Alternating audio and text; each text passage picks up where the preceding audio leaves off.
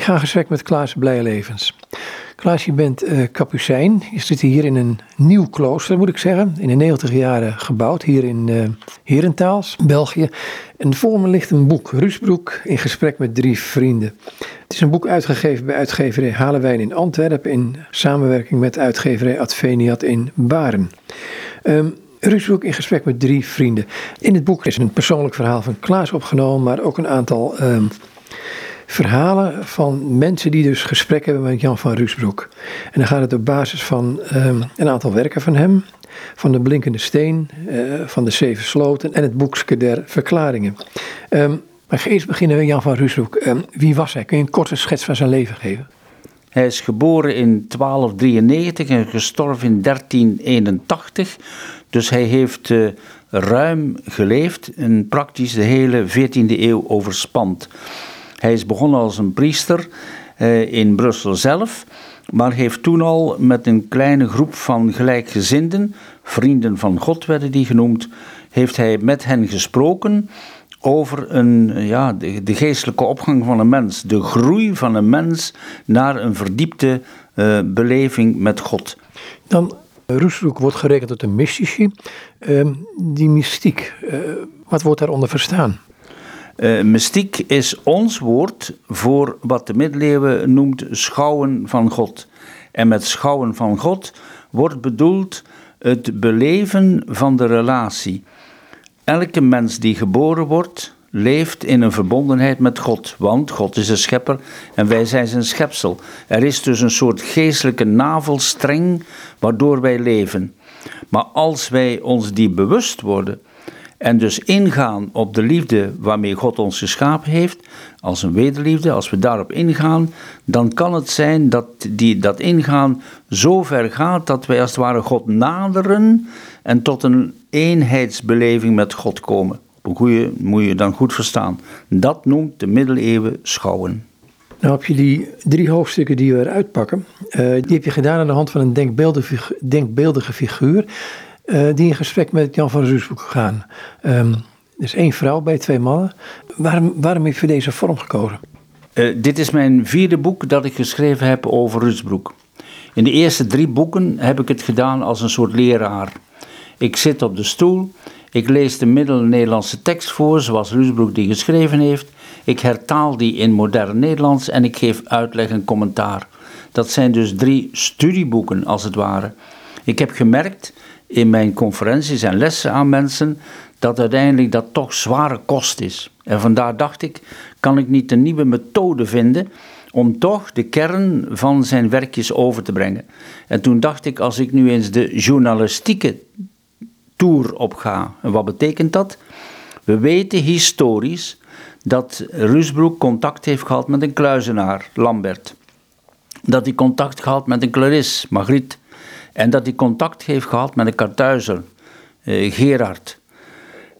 Op het einde van zijn contacten met deze drie figuren hebben zij gevraagd aan hem: schrijf dat voor ons op. Dat is het werkje geworden dat we hebben. Ook dat is historisch juist. Nu probeer ik, als het ware, op een journalistieke manier, denkbeeldig, uh, met de gesprekken, de voorafgaande gesprekken in te beelden. En die schrijf ik als het ware uit. Mijn gesprekken met hen, de gespreksvorm, is niet historisch. Maar wat daarin staat, dat heb ik gepikt als het ware uit zijn werk, uit zijn naslagwerk. En dat is dus wel juist. Dus wat er gezegd wordt door Rusbroek aan zijn gesprekspartner, is historisch juist. De manier waarop is niet juist, want het zijn voorafgaande gesprekken die ik mijzelf inbeeld. Dan zou bijvoorbeeld ik geef een gebed toe bijvoorbeeld. Het zal ook wel ter sprake zijn gekomen. Gebed. Hmm. Ik kan me voorstellen dat uh, over stil gebed dat je een vraag zou kunnen stellen in de trant van... Ja, is het nou dat je tegen jezelf in jezelf zit te kletsen? Of is het werkelijk praten met God of tegen God? Uh, ja, uh, uiteindelijk is dat natuurlijk een soort monoloog. Want ik spreek het, maar in die monoloog heb ik het, toch het idee en het gevoel dat ik toch tot iemand spreek. Vandaar zijn al onze gebeden, dat zijn uh, aanspreekgebeden. Hè? We beginnen ook met Heer God, gij hebt dit en dit en dit. Dat is dus wel mijn woorden zijn dus wel niet gesproken tot iemand die reëel hier werkelijk zichtbaar voor mij is. Het is uiteindelijk God, dat is een geest, onzichtbaar natuurlijk. Maar het, dat ik het zeg, betekent wel dat ik in mijn woorden die relatie wil leggen met degene die onzichtbaar is.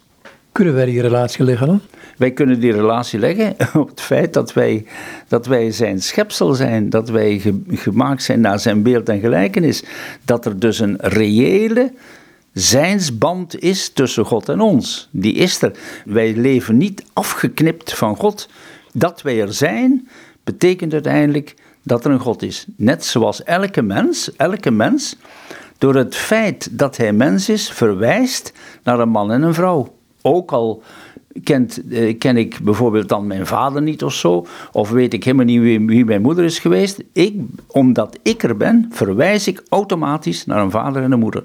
Zo is het ook omdat ik besta, verwijs ik naar de bron van mijn bestaan, en dat is God. Nou, die Lambert, hè, die uh, schrijft hem. En in een van zijn eerste brieven schrijft hij dat hij bezoek krijgt van een, hè, zoals uh, zegt tegen hem, een luidruchtig bezoek krijg je van een hertog, hertogelijk gezelschap. Ja. Um, en dan kom je automatisch bij de stilte terecht, want dit, dit is een inbreuk op alles waar een klooster voor staat. Ja, dus uh, Ruusbroek is 50 jaar. Ruusbroek leeft in het hartje van Brussel, waar ze de Romaanse kerk van de Sint-Goedelen aan het afbreken zijn en een nieuwe voor, voor een koor aan het bouwen zijn op, op gotische manier. Vol lawaai. Hij is 50 jaar en hij maakt als het ware een switch.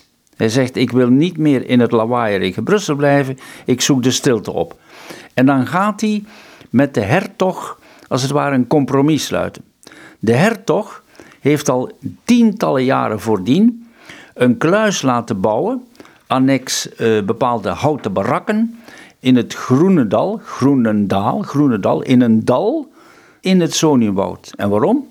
Omdat de hertog vaak, meerdere keren per jaar denk ik, met zijn gezelschap gaat jagen in het uh, Zoniumwoud. en daar een everzwijn of een hert zo jaagt en dat die dan gaat oppeuzelen met zijn hele gezelschap. Hm? En dat gebeurt in die barakken. Dus hij, neemt ook een kok mee. En om die barakken een beetje te bewaken, heeft hij daar een kluis gebouwd. En die is altijd bewoond geweest, die kluis, tot ehm, in de tijd van Ruusbroek. Want dan mag Ruusbroek, die mag in die kluis gaan wonen. En de vorige bewoner, dat is Lambert. De vorige bewoner, die gaat dan naar Boetendalen, naar een andere kluis. De kluis komt vrij en Lusbroek gaat dan in die kluis wonen. Maar voordat Lambert naar zijn nieuwe kluis gaat en eigenlijk weet dat de hertog zijn kluis heeft bestemd voor, voor Lusbroek, heeft hij een gesprek met de kluizenaar over het geestelijk leven. Dan gaat het onder andere over stilte. Ja, of hij zo uitdrukkelijk over de stilte heeft gehad, dat weet ik niet. Ik vermoed, ik vermoed, hij heeft het eerder gehad over hoe gaat dat nu, zo'n groei naar zo'n uh, diepere gemeenschap met God. En dan legt uh, Ruusbroek dat uit hè, aan Lambert, hoe dat het gaat. En dat is uiteindelijk de kern geworden van zijn werkje, De Blinkende Steen. Wat voor type zet hij daarin neer? Ruusbroek heeft in het begin van het boekje heeft hij gezegd van kijk, die mensen daar in Brussel, met die, aan die bouwwerf, die doen dat aan de hand van een tekening. Hè? Een bouwwerf, een, mini, een, een tekening van hoe ze uiteindelijk die nieuwe kerk moeten bouwen. Hè? En die hebben een bouwdossier. En hij zegt, ik heb dat eigenlijk ook. Ik heb ook, een dossier over hoe een mens de weg aflegt naar God, om het zo maar te zeggen. En dan zet hij in het begin uh, zegt hij van, uh, dat zal ik voor je uittekenen. En dat is het begin, en dat noem ik in mijn boek een miniatuur van een volkomen mens. Hij legt dat dan uit en op een gegeven moment dan uh, gaat het boekje in de miniatuur, gaat op, uiteindelijk gaat hij dat nog verder uitleggen. En dan zegt Lambert, die zegt, die denkt bij zichzelf, denkt, oei, waarom legt Luusbroek dat nu twee keer uit? om die weg te tonen. En dan Lambert, die komt dan tot de ontdekking, die zegt van waarom heb, heeft hij dat gedaan? Omdat hij bij de eerste uitleg heeft hij het wel goed getypeerd, maar dat het een dynamiek is, dat het een, voorschijnende dynamiek is, dat heb ik getoond aan de hand van een drie typologieën. Dat is de dienaar, de vriend en de zoon. Dus met die typologieën geeft hij aan dat de weg die hij heeft uitgetekend, dat dat een dynamiek is, een ontwikkeling. En waar zit precies die ontwikkeling in? Die zit niet in het feit dat hij meerdere dingen gaat doen op zijn weg naar God, maar dat hij de dingen die hij doet, vanaf het begin tot het eind, telkens op een dieper niveau beleeft. Hij beleeft het als dienaar, hij beleeft het als vriend en hij beleeft het als zoon. Voorbeeld, ik ben uh, een hele brave jongen. Mijn moeder die stuurt mij naar de bakker om een brood te gaan halen, te gaan kopen. En ik breng dat brood mee, want ik ben het zoontje en ik hou wel van mijn moeder. En mijn moeder heeft me dat opgedragen. Ik ben een dienaar die doet wat er gezegd wordt. Ik kom tot een, tot een verdere ontwikkeling en ik denk van ja, maar als nu mijn moeder de volgende keer mij naar de bakker stuurt, dan ga ik opnieuw een brood halen, want ze heeft het aan mij gevraagd. Ik ben een dienaar, maar ik doe het omdat het mijn moeder is. Mijn motivatie verdiept zich. Ik ben eigenlijk een vriend. Zo. En dan kan het nog zijn, maar dat is dan in de godsrelatie, dat ik na het vriendschap, dat God mij als het ware binnentrekt in zijn dynamiek van vader, zoon en geest. En dat, dan ben ik de zoon. Als het ware een afspiegeling van de zoon van God, van Jezus zelf. Dan leef ik in zo'n diepe intimiteit, zoals het evangelie van Johannes ons dat heel duidelijk maakt. In zo'n diepe intimiteit met God, dat ik werkelijk de zoon van God ben. Maar dat is het, dan doe ik hetzelfde als wat ik als dienaar doe en als ik als vriend doe, maar de motivatie is veel dieper. Zijn dit opeenvolgende types die zich uh, manifesteren in je leven of, of, kan het gelijktijdig zijn? Het is in zoverre gelijktijdig dat de zoon werkelijk een dienaar en een vriend is, maar dat niet de dienaar per se een zoon is. Het is als, uh, moet ik zeggen, als bij een, een, een tulp, de knop van een tulp. Hè? die begint met een, met een, een groene knop. En op een gegeven moment, naarmate dat die groeit, gaat die knop open. En dan krijg je dus de kelkbladen en zo. En dan gelang ook die open gaat, komt langzaamaan die binnenkant van die tulp wordt zichtbaar. Het blijft dezelfde tulp, maar er zit een ontwikkeling in, een dynamiek in. Hè? En, en, telkens voor die, voor die dynamiek, voor die stadia van die dynamiek, heb ik een ander woord. Maar het is wel dezelfde tulp telkens. Hoe ontwikkelt zich dat gesprek? Want Lambert blijft daar vragen over hebben. Ja, dus ja. Je moet weten, Lambert heeft. Dit is het derde boekje van, van Ruusbroek. Lambert heeft het hoofdwerk, tweede werk van Ruusbroek, de Bruiloft, heeft Lambert gelezen. De Bruiloft is een tamelijk dik boek. Maar de slotbladzijdes gaat over die mystiek, over dat schouwen, over dat derde stadium, dat zoon zijn. Daar heeft Rusbroek in zijn hoofdwerk maar korte notities van gemaakt.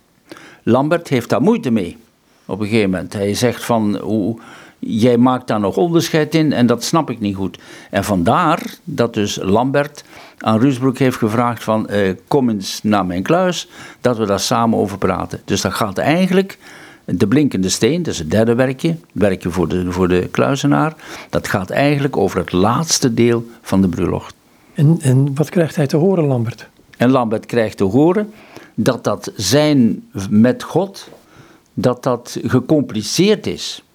Dat dat niet eenvoudig is, maar dat het een, een samengaan is van elementen die als element telkens wel een eigenheid hebben, maar toch in zijn geheel één groot geheel zijn. Namelijk, ik blijf mens en God blijft God in die hele werkelijkheid. En dus uh, het is een, een, een vorm van gelijkwaardigheid op een gelijk niveau.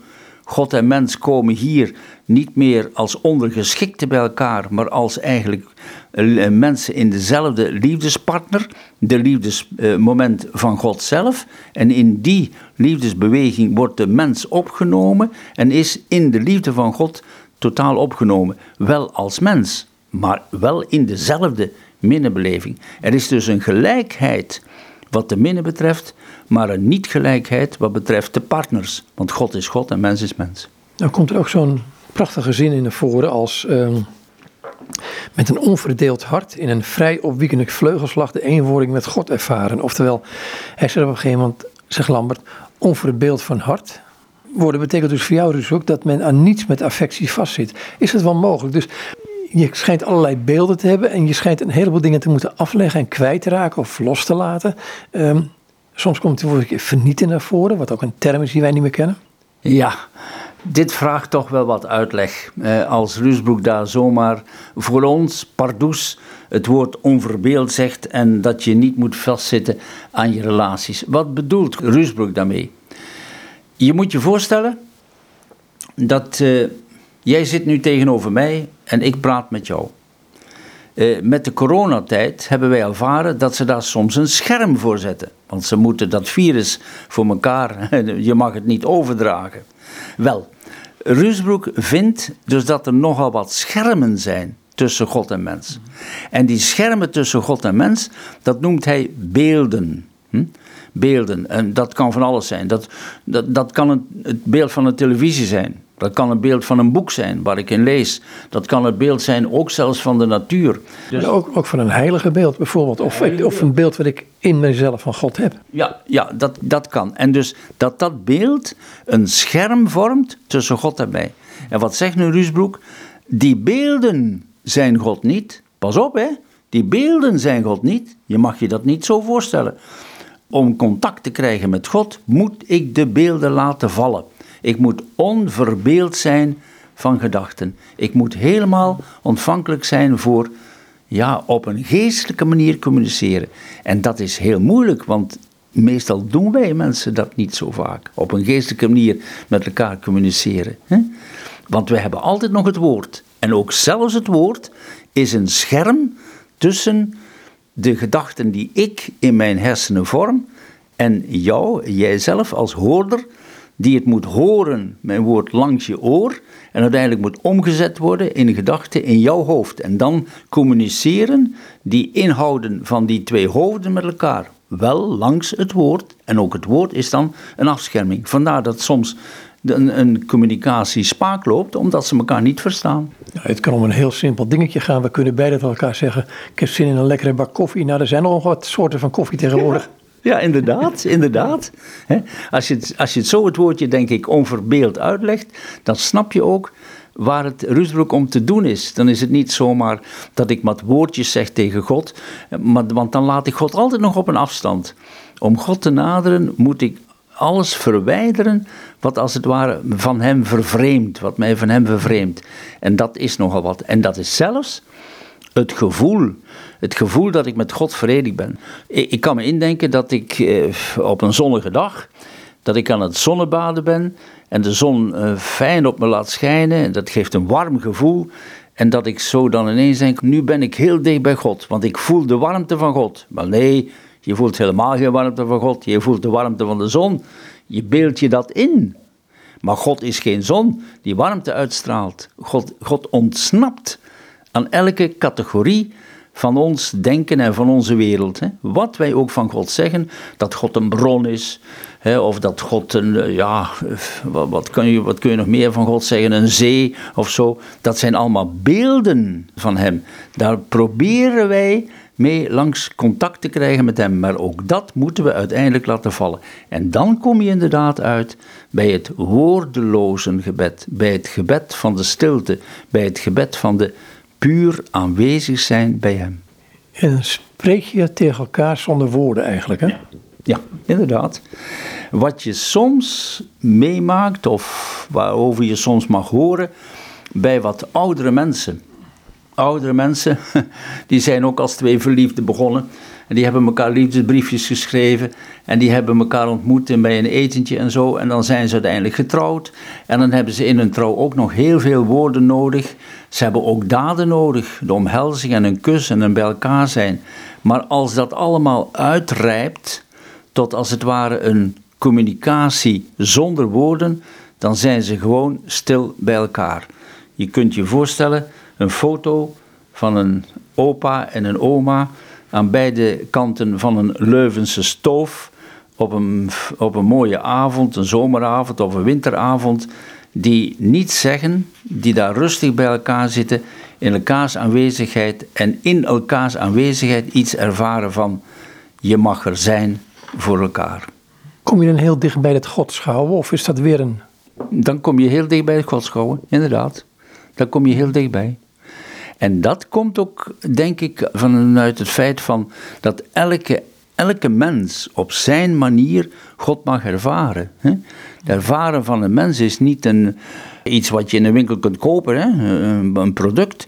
Dat is een, een, een eigen, een persoonlijke ervaring. Vandaar dat er ook zoveel heiligen zijn en zoveel mystici en zoveel mensen, omdat ze allemaal op een eigen manier die God, die ons allemaal overstijgt, toch op een of andere manier beleven, ervaren, genieten, proeven, minnen. Allemaal woorden die de mystiek gebruikt. Leidt het nou tot passiviteit? Dat lijkt tot passiviteit als de mens die dit mag ervaren op een gegeven moment zegt van zo, ik heb mijn toppunt bereikt, ik ga nu op een stoel zitten met mijn handen over elkaar. Voor mij is er niets, niets gaat daarboven. Ik heb, ik heb het gehad, voldoende. Ik hoef niet meer in actie te komen. Nee, want dan zegt Rusbroek, en dan halen we het voorbeeld aan van hij wat hij zegt met de gemeene mens. Als je van God geproefd hebt, dan moet je doen als Jezus. Dan moet je een mens zijn voor de ander. Een mens voor de mensen zijn. Dan moet je beschikbaar zijn voor de ander. Dan moet jouw leven, waarin je hebt mogen proeven van, wie, van wat de liefde van God betekent, moet je laten doorschijnen door je daden. En dan kom je dichtbij. Nee, dan ben je in het spoor van Jacobus met zijn brief waar hij zegt van ik zal uit mijn daden laten zien dat ik geloof. Zit er nou in het, het woordje dat ik eerder gebruikte, het woordje vernieten, het woordje sterven aan jezelf. Eh, komt dat naar voren toe? Want het is een van die termen die Lambert niet lijkt te begrijpen. Ja, dat is natuurlijk omdat dat in eerste instantie wordt ervaren als vernietiging, hè? Eh, uitkrassen. Je houdt niks meer over. Maar dat is de bedoeling van het woordje vernieten niet. Dat is het Midden-Nederlandse woordje vernieten. Daar staat het woordje niet in. Ik kan het misschien nog het beste uitleggen met de termen van Johannes van het Kruis, die de berg van de Karmel ook beschrijft met niet en al. Niet en al. God is al, en vul dan maar in wat je erachter wilt zetten. God is al, de mens is niet. Daarmee heeft Johannes van het Kruis niet willen zeggen dat de mens niets is. Als de mens niets is, kan hij niet in relatie treden en is dus de relatie met God overbodig en is, ja, die is er gewoon niet. Met niet wordt bedoeld het tegenovergestelde van al. Ik leg het graag uit als niet en al zijn relatietermen. Van God uit naar de mens toe is God alles. Van de mens uit naar God is de mens een niet ten opzichte van het al dat God is. Maar hij is wel mens. Hij blijft mens zoals God God blijft. Dus het is een relatieterm waarin iets wordt uitgedrukt niet wat op het bestaansvlak betrekking heeft, dat hij niet zou zijn, maar wat betrekking heeft met de beleving. In de beleving is de mens op dat hoge niveau, is de mens zodanig door het al van God overrompeld, dat hij als het ware wordt verzwolgen, wordt opgenomen in het eh, al van God. Egiet van Broekhoven drukt dat uit door te zeggen van ik ben een zwemmer in de zee van God. De zee omspoelt en omgeeft mij totaal. Ik ben een niet in het al van de zee die God is. Dan stelt Lambert de vraag, als je zo uitdrukt Roesbroek, heb ik het gevoel dat we in God verdwijnen als een waterdruppel in de oceaan. Ja. Ja, maar ik denk dat Roesbroek dat ontkent. ja. ja, waarom? In het beeld van de waterdruppel verdwijn ik in de zee. Word ik één van de druppels van de zee. Maar dat is niet juist. In het contact tussen God en mens blijf ik mens. Hm? Dus ook al voel ik mij een waterdruppel, ik ben geen waterdruppel. Dat is het verschil. Dan heeft hij het ook nog, en daarna moeten we naar een het vrouwelijk gebeuren gaan, denk ik, uh, heeft het ook over het genieten van God. Want dat is een van die, van die termen uit de middeleeuwen, die ik, het midden wat ik me herinner. Dat gebruiken en gebreken, het genieten van God en het, ja, het ontberen van God eigenlijk. Ja, ja, ja dat klopt. Dat klopt. Dus uh, Hier heb je weer te maken met de taal van een mens. Hè? Eh, als het gaat over genieten en gebreken en eh, missen, genieten en missen, dat is maar hoe dat je dat uitlegt. Dat is, dat is precies hetzelfde als dat ik heb een hele goede, eh, goed gesprek gehad met een partner. Ik heb een heel goed gesprek gehad. Ik heb daarvan genoten. Wij gaan ieder weer naar ons eigen huis. We gaan weer terug. Ik herinner me onderweg naar huis van hoe fijn ik het heb gevonden. Ik heb echt genoten van dat gesprek. En thuisgekomen zeg ik, ik mis hem of ik mis haar. Je mist het omdat je de volheid hebt mogen ervaren. En vandaar hangen die twee zo samen. Met genieten bepaal ik het moment van de volheid. Met missen verwoord ik het moment van het niet meer bereiken, het, er niet meer in die situatie zijn. Vandaar dat mystici, veel, veel bij, in het leven van mystici, dat zij perioden van dorheid doormaken. Dan missen ze God. En waarom is dat? Omdat ze de volheid hebben ervaren. Ze hebben van God genoten, dat is de volheid. Dat kan een fractie van een moment zijn geweest. Ze hebben genoten van de volheid en moeten nu als herinnering die volheid meenemen in hun leven, maar dat wordt nooit meer praktijk. Ze zullen God missen. En daaruit wordt ook het verlangen geboren, het telkens opborrelend verlangen naar dat moment van de genieting. En uiteindelijk zal de overstap naar God toe, bij ons sterven, dat zal zijn dat ik dan in de genieting mag zijn voor altijd. Term die ook gebruikt wordt in relatie tot de minne is dat het een afgrond is waarin wij ons overgeven.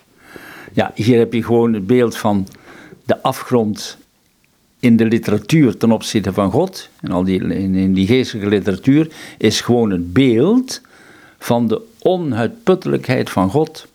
Van het afgrondelijke dat God is. Maar dat is altijd een beeld gerefereerd naar ons toe. Van ons uit is hij een afgrond. God is geen afgrond. God is pure liefde, dynamiek liefde. Maar in de beleving van ons is het een onuitputtelijk, is het, heeft het een wijsheid die wij niet kunnen overspannen. Is het een, een, een, een leegte waarin we als het ware induiken of instappen en we weten niet of we ooit de bodem zullen bereiken. Die blinkende steen, um, volgens Rutsbroek is dat Jezus? Ja, ja, dat is Jezus. En vandaar dat ik in mijn verbeelding, hè, zoals ook de, de mooie prent uh, voor hoofdstuk 2 in het boek uh, uitdrukt, Rusbroek die daar een klein steentje oppakt bij de steenkapper. Want het is een steenkapper daar natuurlijk die aan meebouwt aan de nieuwe, de nieuwe bouw, de gotische bouw van de collegiale kerk van Sint-Goedelen. En uh, hij is daar een kapiteel aan het kappen. En er springt een, een stukje steen af. En uh, Rusbroek pakt dat op. Dat is puur verzonnen van mij, heel dit verhaal. Die pakt het op, dat steentje. En hij zegt: uh, kap er nog een kruisje in. Want dat geef ik dan aan Lambert. En bij Lambert thuis geeft hij dat steentje af aan Lambert. En zegt Lambert ineens van, hé, hey, dat steentje. Ja, zegt uh, Rusbroek, dat is Jezus naar het boek van de Apocalyps, het einde van, van de Bijbel. En dan vraagt meteen Lambert van, en hoe zou je dan Jezus duiden? En dan geeft hij vijf kenmerken aan van dat steentje, waarmee hij de vijf kenmerken van Jezus bedoelt. Een ander ding um, waar het heen gaat in uh, zijn gesprek over Lambert met Rusbroek is uh, die eenwording, die eenheidsbeleving met God. En daarin zegt hij, um, bladzijde 66, noemt hij onder het feit dat we God wat ons bezit, door ons te laten wegzinken in zijn volle minne. Wij verliezen ons en toch blijven onszelf. Wij verzinken in God en worden overvormd in God.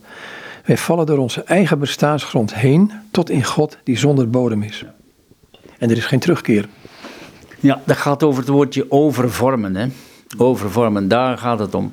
Overvormen is een eigen woord van Rusbroek. Hij heeft meer eigen woorden gesmeed. Neologisme noemt men dat. Een eigen woord. Want het woord overvormen in het Nederlands bestaat niet. Soms wordt het weergegeven met trans transformatie, maar is niet juist. Waarom gebruikt Rusbroek nu het woordje overvorming? Mocht hij een bord hebben gehad, hij zou met een krijtje op het bord geschreven over, streepje, vorming. En hij zou dat uitgelegd hebben, want dat zijn twee woorden.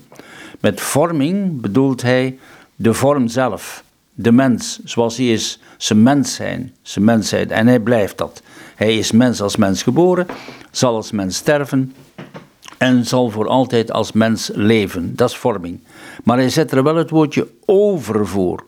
En dat slaat op het goddelijke. Overvorming wil zeggen dat ik als mens een nieuwe vorm krijg. Je kunt het misschien vergelijken met uh, Paulus, die het ook heeft over een ander kleed, een nieuw kleed. De oude mens moet je afleggen en je krijgt een nieuw kleed.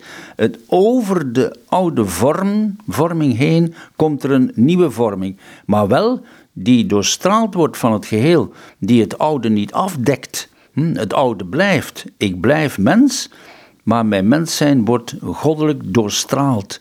Krijgt een, een, een, een fundamentele bij, hè, ja, uh, bijvorming als het ware. Het wordt over mijn eigen vorm heen komt het goddelijke. Ik ga door naar het tweede stuk, uh, de aantekeningen van Le Calaris. Ja. En dan wilde ik meteen doorgaan naar um, het evangelisch Franciscaans fundament. Uh, als je dat kunt lezen onder een bladzijde 80 en dan op 81 door. Want daar komt mijns inziens een, een heel fundamenteel een heel fundamenteel gegeven van, die hele, van de Franciscaanse orde naar voren. En zeker hoe Franciscus heeft geleefd. Dus je hier begint. Uh, ja, dus uh, schrijft een uh, boekje voor Margriete Claris. En hij begint dat, hij wil in dat boekje uitleggen de diepte van haar monastiek leven. En geeft in het begin de fundamenten aan. En die fundamenten zijn evangelisch-franciscaans. Dat Franciscaanse element, dat wil zeggen dat hij wijst op het uh, dienend karakter van Jezus. Jezus is gekomen om te dienen. En dat heeft Franciscus ook duidelijk gemaakt aan zijn eigen broeders en ook aan Clara. En dat is het evangelisch-franciscaanse fundament van het kloosterleven van Margriet. En dat alles in navolging van Jezus, die ook zelf als dienaar in deze wereld is gekomen. Merk op hoe Christus, de Zoon van God, zich heeft vernederd en ontledigd. Hij heeft de gestalte van een knecht aangenomen, omdat hij ons van dienst wilde zijn. Hij was zachtmoedig en goede tieren. En tot de dood toe was hij gehoorzaam aan zijn hemelse Vader, om willen. In het gezelschap van zijn leerlingen gedroeg hij zich als iemand die dient. Want zelf zei hij: Ik ben gekomen niet om gediend te worden, maar om te dienen. Daarom is hij verheven als mens en God gaf hem een naam boven alle namen, zoals Sint Paulus zegt, omdat in de naam van Jezus iedere knie zou buigen, zowel in hemel als op aarde en onder de aarde. Dus de dienstbaarheid van Jezus, ook gerealiseerd door Franciscus, is een fundament voor het monastieke leven van Margriet. Clara zegt dat ze daar blij mee is dat hij allereerst laat kijken naar Jezus toe. Want we willen, zegt ze later, zoals Franciscus, evangelisch leven. Dus voor Clara zoals voor Agnes zijn het hele essentiële uitspraken geweest. Ja, heel, heel, heel duidelijk. Hè? Heel duidelijk. En uh, in dit stukje uh, zal de Margriet met haar medezusters volledig de tekst van uh, Rusbroek onderschrijven. Dus dat in feite ook Clara in het spoor is gegaan van Jezus. Een evangelisch leven heeft geleid. Je zei in een ander interview met jou had over dit boek dat je wel eens dacht toen je het klaar had van ben ik wel genoeg, genoeg teruggegaan naar de Bijbel? Dat is hier in dit stukje bij Margriet niet het geval, denk ik. Nee, nee. nee, nee. Dat is, uh, hier komt heel duidelijk de, de apostolische bewogenheid, bevlogenheid als het ware, maar ook de evangelische navolging naar voren. Dat kan soms in beschrijving van, van de hoogste mystiek, als het gaat over de eenheidsbeleving met God, uh, soms achterwege blijven. Alhoewel je daar, in die teksten, veel meer de, moet ik zeggen, de, de visie, de christelijke visie op wie God is naar voren komt. Hè? Dus daar komt veel meer naar voren van God is Vader, Zoon en Geest. Dat is een liefdesgemeenschap. De Vader staat op de Zoon gericht, de Zoon staat op de Vader gericht. Dat is beide de Heilige Geest. En in die trinitaire, die drievoudige liefdesgemeenschap, daarin wordt de mens opgenomen. In dat hoogste, de hoogste graad van, van de mystiek. Daarin komt niet zozeer het evangelische om de hoek kijken, als wel eigenlijk het trinitaire, hoe God is. Wat natuurlijk weer wel in de schrift naar voren komt, zeker in het evangelie van Johannes, hè, waar Jezus zegt, ik en de Vader zijn één. Nou kan Cruiser ook, ook vrij kritisch zijn, want hij schrijft over de paus die in Avignon woont, nou geen lovende dingen. dat is waar. En dan natuurlijk, dat staat haaks op een uh, dienende, dienst, dienstvaardige houding. je moet natuurlijk weten dat uh, eh, leeft in die tijd van de, van de pauze in Avignon. dus, en Avignon ja, je moet zo zeggen, in die tijd waarin Rusbroek leefde, waren er veel kardinalen, dat waren Fransmannen. En toen er dus weer een nieuwe paus gekozen moest worden, toen kozen die Franse kardinalen een Fransman tot paus. Maar die Fransman, die wilde niet in Rome zijn, die wilde in zijn vaderland wonen. En vandaar dat hij in Avignon dus een paleis heeft laten bouwen. Maar hij moest daar centen voor hebben. En dus hebben ze op een gegeven moment uh, af laten verzonnen en alle, alle mogelijke andere dingen om toch aan de centen te komen. En daardoor is dus dat Palais des Papes, zoals dat dan nu heet, zo rijkelijk uitgegroeid. Maar, dat was ook een beetje algemeen bekend, daardoor hebben de pausen zich eerder als machthebbers opgesteld en niet meer als geestelijke leiders. En daarom ook de kritiek van Rusbroek op de paus, hè, omdat hij niet meer een geestelijke leider was van de christenheid van die dagen. Clara van Assisi schrijft daar ook iets over. niet over deze paus, maar wel wat je wel moet doen. Ja, ik vat kort samen. Kijk naar Jezus. Hij is het hart van je leven. Houd je aan hem vast. Loop in zijn voetsporen onbezorgd en opgewekt, met snelle tred. Laat je niet afleiden door de buitenwereld en ook niet door de paus of de bisschoppen. Wat je treft in hem, overweeg dat in je hart zoals Maria deed. Ga daarmee om als met een kostbare schat, behoed die en besteed je er tijd aan. Kijk naar hem als in een spiegel die het onzichtbare zichtbaar maakt. Spiegel je voortdurend in die spiegel die Christus is. Deze tekst kun je alleen maar verstaan als je weet hoe de middeleeuwer tegen een spiegel aankijkt. Als wij in een spiegel kijken, dan zien we onszelf. Een spiegel weerspiegelt degene die voor de spiegel staat. Dat was bij de middeleeuwer niet. De middeleeuwer dacht dat in de spiegel zich vormde wat een voorbeeld voor mij is. Dus daarom zegt Clara: kijk in de spiegel naar Jezus. Die spiegel die weerspiegelt wie Jezus is. Je moet naar die Jezus kijken in die spiegel die de spiegel weer spiegelt. Moeilijk. Nou, zeiden de zusters ook uh, ten opzichte van Rusbroek, ja, het is wel een man die ons probeert te onderwijzen. We weten toch wel zelf wat we kunnen doen. Ja, uh, hier ga ik uh, een beetje buiten datgene wat ik altijd van de Jezuïeten heb gehoord als zij dat allemaal uitleggen. Ik heb dus mm, voor het schrijven van dit boek en ook dit stukje, heb ik toch bij mezelf gedacht, eh, ik moet toch hier een beetje kritisch met de teksten van Rusbroek omgaan. Omdat Rusbroek heeft dit werkje geschreven voor Magritte op basis van zijn denken over een monastiek Benedictijns leven. Tot nu toe waren de Benedictijnen waren de, eerste, de, enige monniken. En dus dacht hij, kijk, eh, Clara is met haar zusters ook in San, San Damiano terechtgekomen, wel in het voetspoor van Franciscus, maar het is een monastiek leven, dus is dat Benedictijns. En dat is niet waar. Uiteindelijk is Clara, heeft een eigen vorm gevonden voor het monastieke leven. En daar stapt Rusbroek aan voorbij. Dat verwaarloost hij. En om dat op te lossen, Joop, heb ik die rector ingevoerd in mijn, in mijn beschouwingen. Direct, dus een Clarisseklooster, die hadden altijd een Franciscaan, zoals wij dat nu noemen. toen was dat een oblaat, een uh, observant. Die hadden altijd een rector die bij het klooster woonde voor de kerkelijke diensten en ook voor de, uh, de conferenties. En ik laat die Franciscaan, ik noem hem Leo, ik laat die dus uh, zeer bedreven zijn in de teksten van Clara. En die zegt tegen die Clarissen, jullie hebben wel dat boekje gekregen van, van uh, Rusbroek, maar dat is een Benedictijns monastiek leven wat die jullie opsulfert.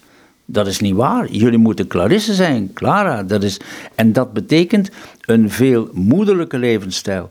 Een, een zusterlijke levensstijl.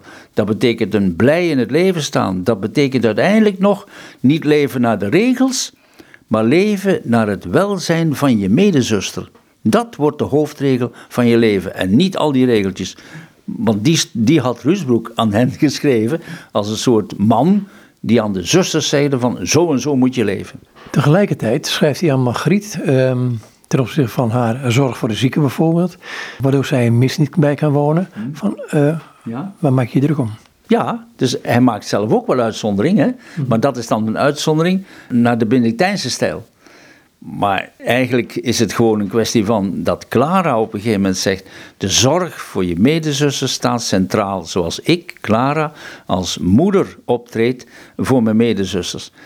De paus heeft tegen mij gezegd dat ze mij abdis moeten noemen. Dat verwijst al naar de monastieke mhm. trant van de Benedictijnen. En in de huidige situatie nog zijn de oversten van een Clarissenklooster, die worden aangeduid als abdis.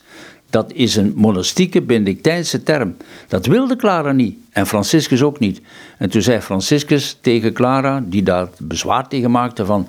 Ach Clara, aanvaard het nu maar, maar leef niet als een abdis. Leef als een moeder voor je eigen medezusters. En zodoende is de term bewaard, maar de inhoud is niet Benedictijns. Maar nog naar het punt van Marta en Maria, want dat is iets wat... Ehm, die zuster Margriet, uh, die het te bedden voert, um, waar ze moeite mee had. Ze zei, ja, ik was soms zo druk met mijn dagelijkse beslommeringen dat ik niet aan de mis toe kom. Ja. En wat, wat moet ik daarmee? Ja, dat is dus eigenlijk van dat dan uh, Margriet toch weer leeft met het idee van ik moet wat regelonderhouding volkomen zijn, wil ik een goede clarist zijn. En dat doorbreekt inderdaad Rusbroek door te zeggen: het gaat niet om de regels, het gaat erom dat je dienstbaar bent. En daar handhaaft Rusbroek zijn principe van de gemeene mensen, de mens die beschikbaar is. Jij bent er voor de ander. Door je goede daden te doen aan je medemens, daarin laat je zien dat je God lief hebt. Niet door het onderhouden van de regeltjes. Dan heeft hij ook nog een briefwisseling met een kartuizer heb je in opgenomen. En dan zijn de kartuizers bij uitstek ehm, een orde die in stilte leven. Um, daar komt die stilte enorm naar voren toe. Wat kan Rus ook daar nog aan toevoegen voor hen? Want zij komen ook met vragen, tenminste in jouw boek.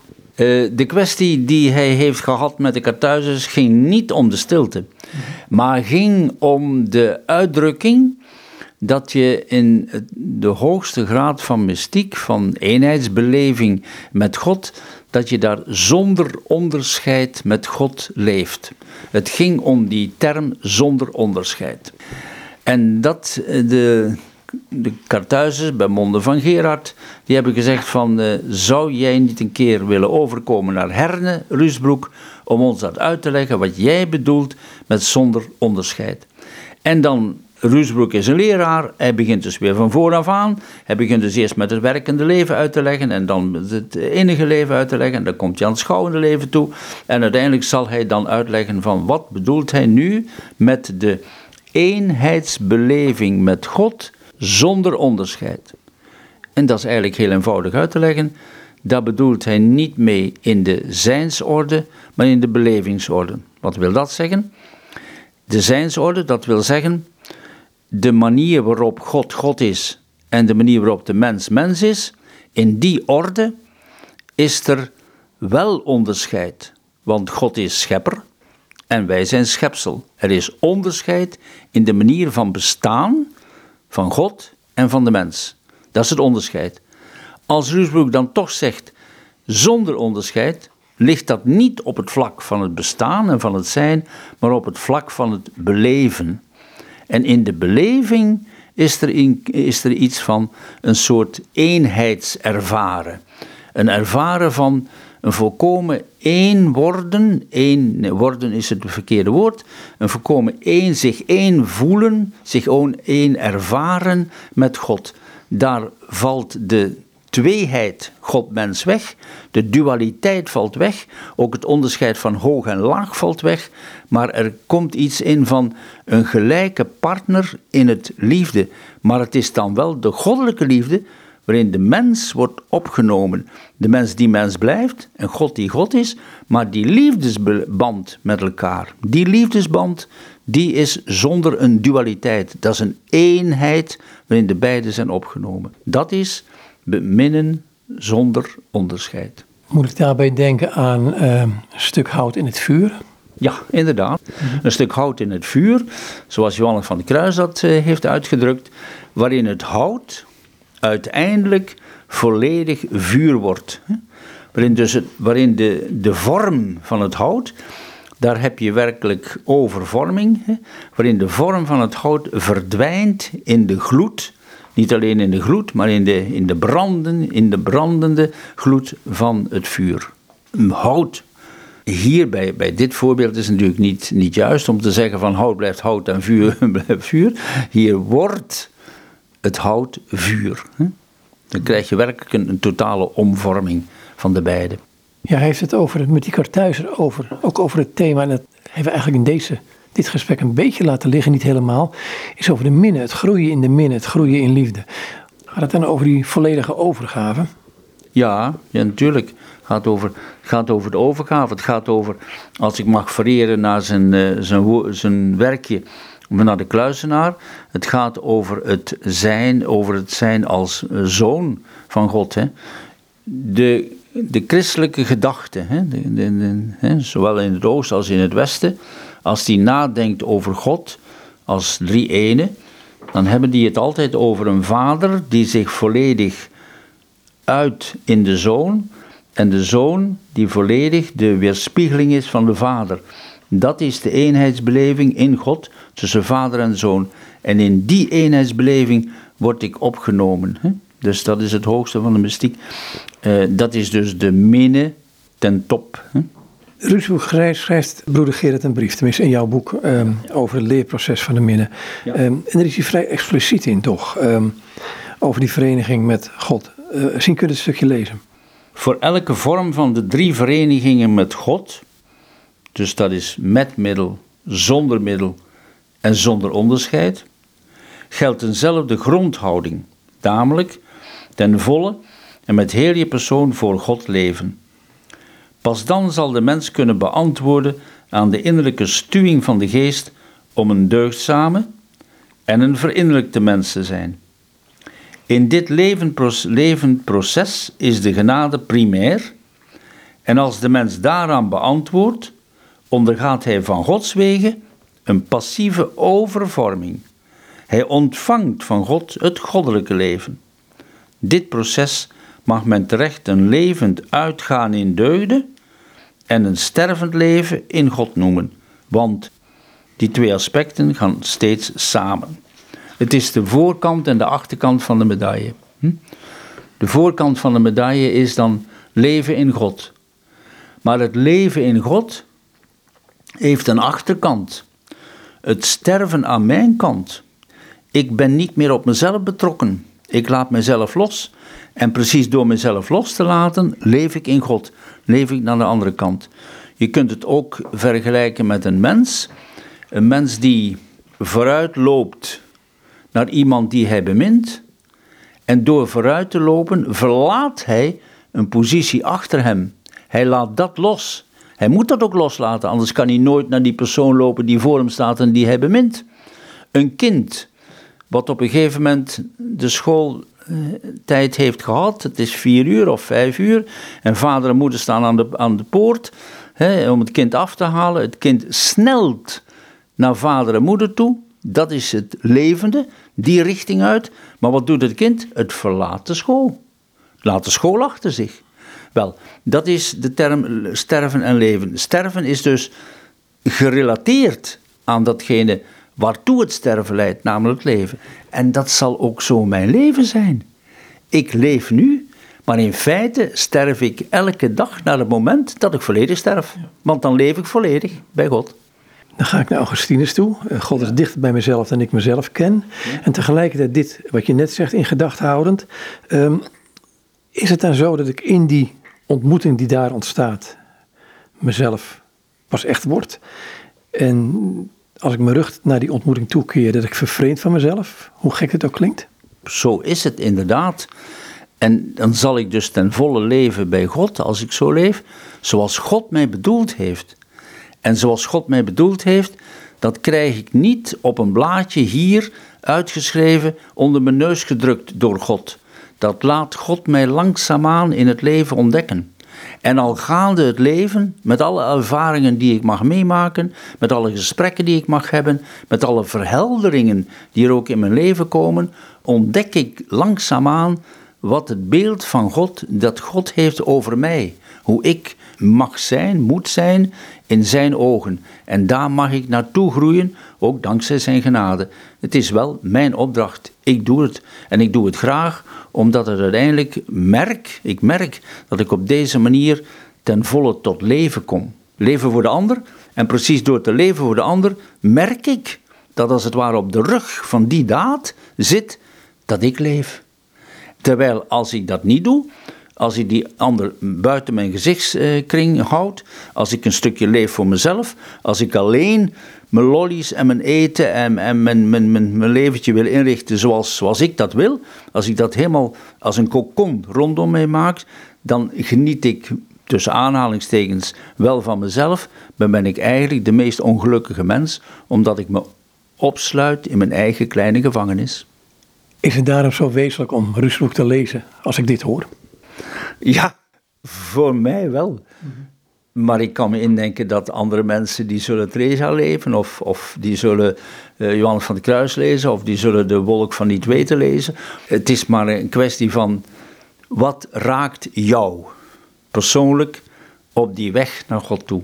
En dan, ja, dan moet ik zeggen, Rusbroek verheldert voor mij heel veel van wat een, een verdiept christelijk leven zou kunnen betekenen. Wat is de reden dat je dit boek geschreven hebt eigenlijk? Want het is niet het eerste boek wat je schrijft over Rusbroek. De reden waarom ik die boeken over Rusbroek schrijf is omdat ik vind dat Rusbroek op zo'n heldere manier schrijft over een, een voortgang in christelijk leven. Christelijk leven is niet van ik heb op de lagere school of iets later een, mijn catechismus leren kennen of ik heb uh, boeken gelezen over het geloof. En uh, ah, dan weet ik wat ik moet doen. En ik doe ze dicht. En nu is het heel mijn leven lang dat ik dat moet realiseren. En doe ik dat niet, ah ja, dan staat voor de katholieken nog altijd de biechtstoel open. En voor anderen een gesprek om aan God vergiffenis te vragen. En dan begin ik weer opnieuw. Alsof mijn leven bepaald is door een afgepaste eh, tekst die mij precies zegt: als je zo leeft, in, volgens deze regels, dan is het oké. Nee, mijn leven is een dynamiek, een openbloeien, de kwestie van de tulp. En voor dat openbloeien vind ik in de normale lectuur hè, van, van de kerken niet zoveel uh, voeding. Ik vind in de, in de lectuur van de kerken vind ik de catechismus en vind ik misschien wat uitleg over de evangelie en, en zo, maar, ik, een, maar een, hoe een mens kan groeien in zijn doopgenade, dat vind ik bij sommigen, hè, bij hier en daar. En ik vind het dan vooral bij Ruusbroek. Goed, ik wat hier wel laten, dankjewel. Dankjewel, Joop. En dit zei Klaas Blijlevens. En met hem was in gesprek over het boek Ruusbroek in gesprek met drie vrienden. Het waren flarden uit het boek wat we naar voren hebben gebracht. Uh, het is zeker geen afgerond geheel geworden. Het boek is zeer de moeite van het lezen waard, kan ik alleen maar zeggen. Het is trouwens uitgegeven bij uitgeverij Halewijn in Antwerpen in samenwerking met uitgeverij Adveniat in Baren. Goed, nogmaals dus, dat is over dit gesprek met Klaas Blijlevens.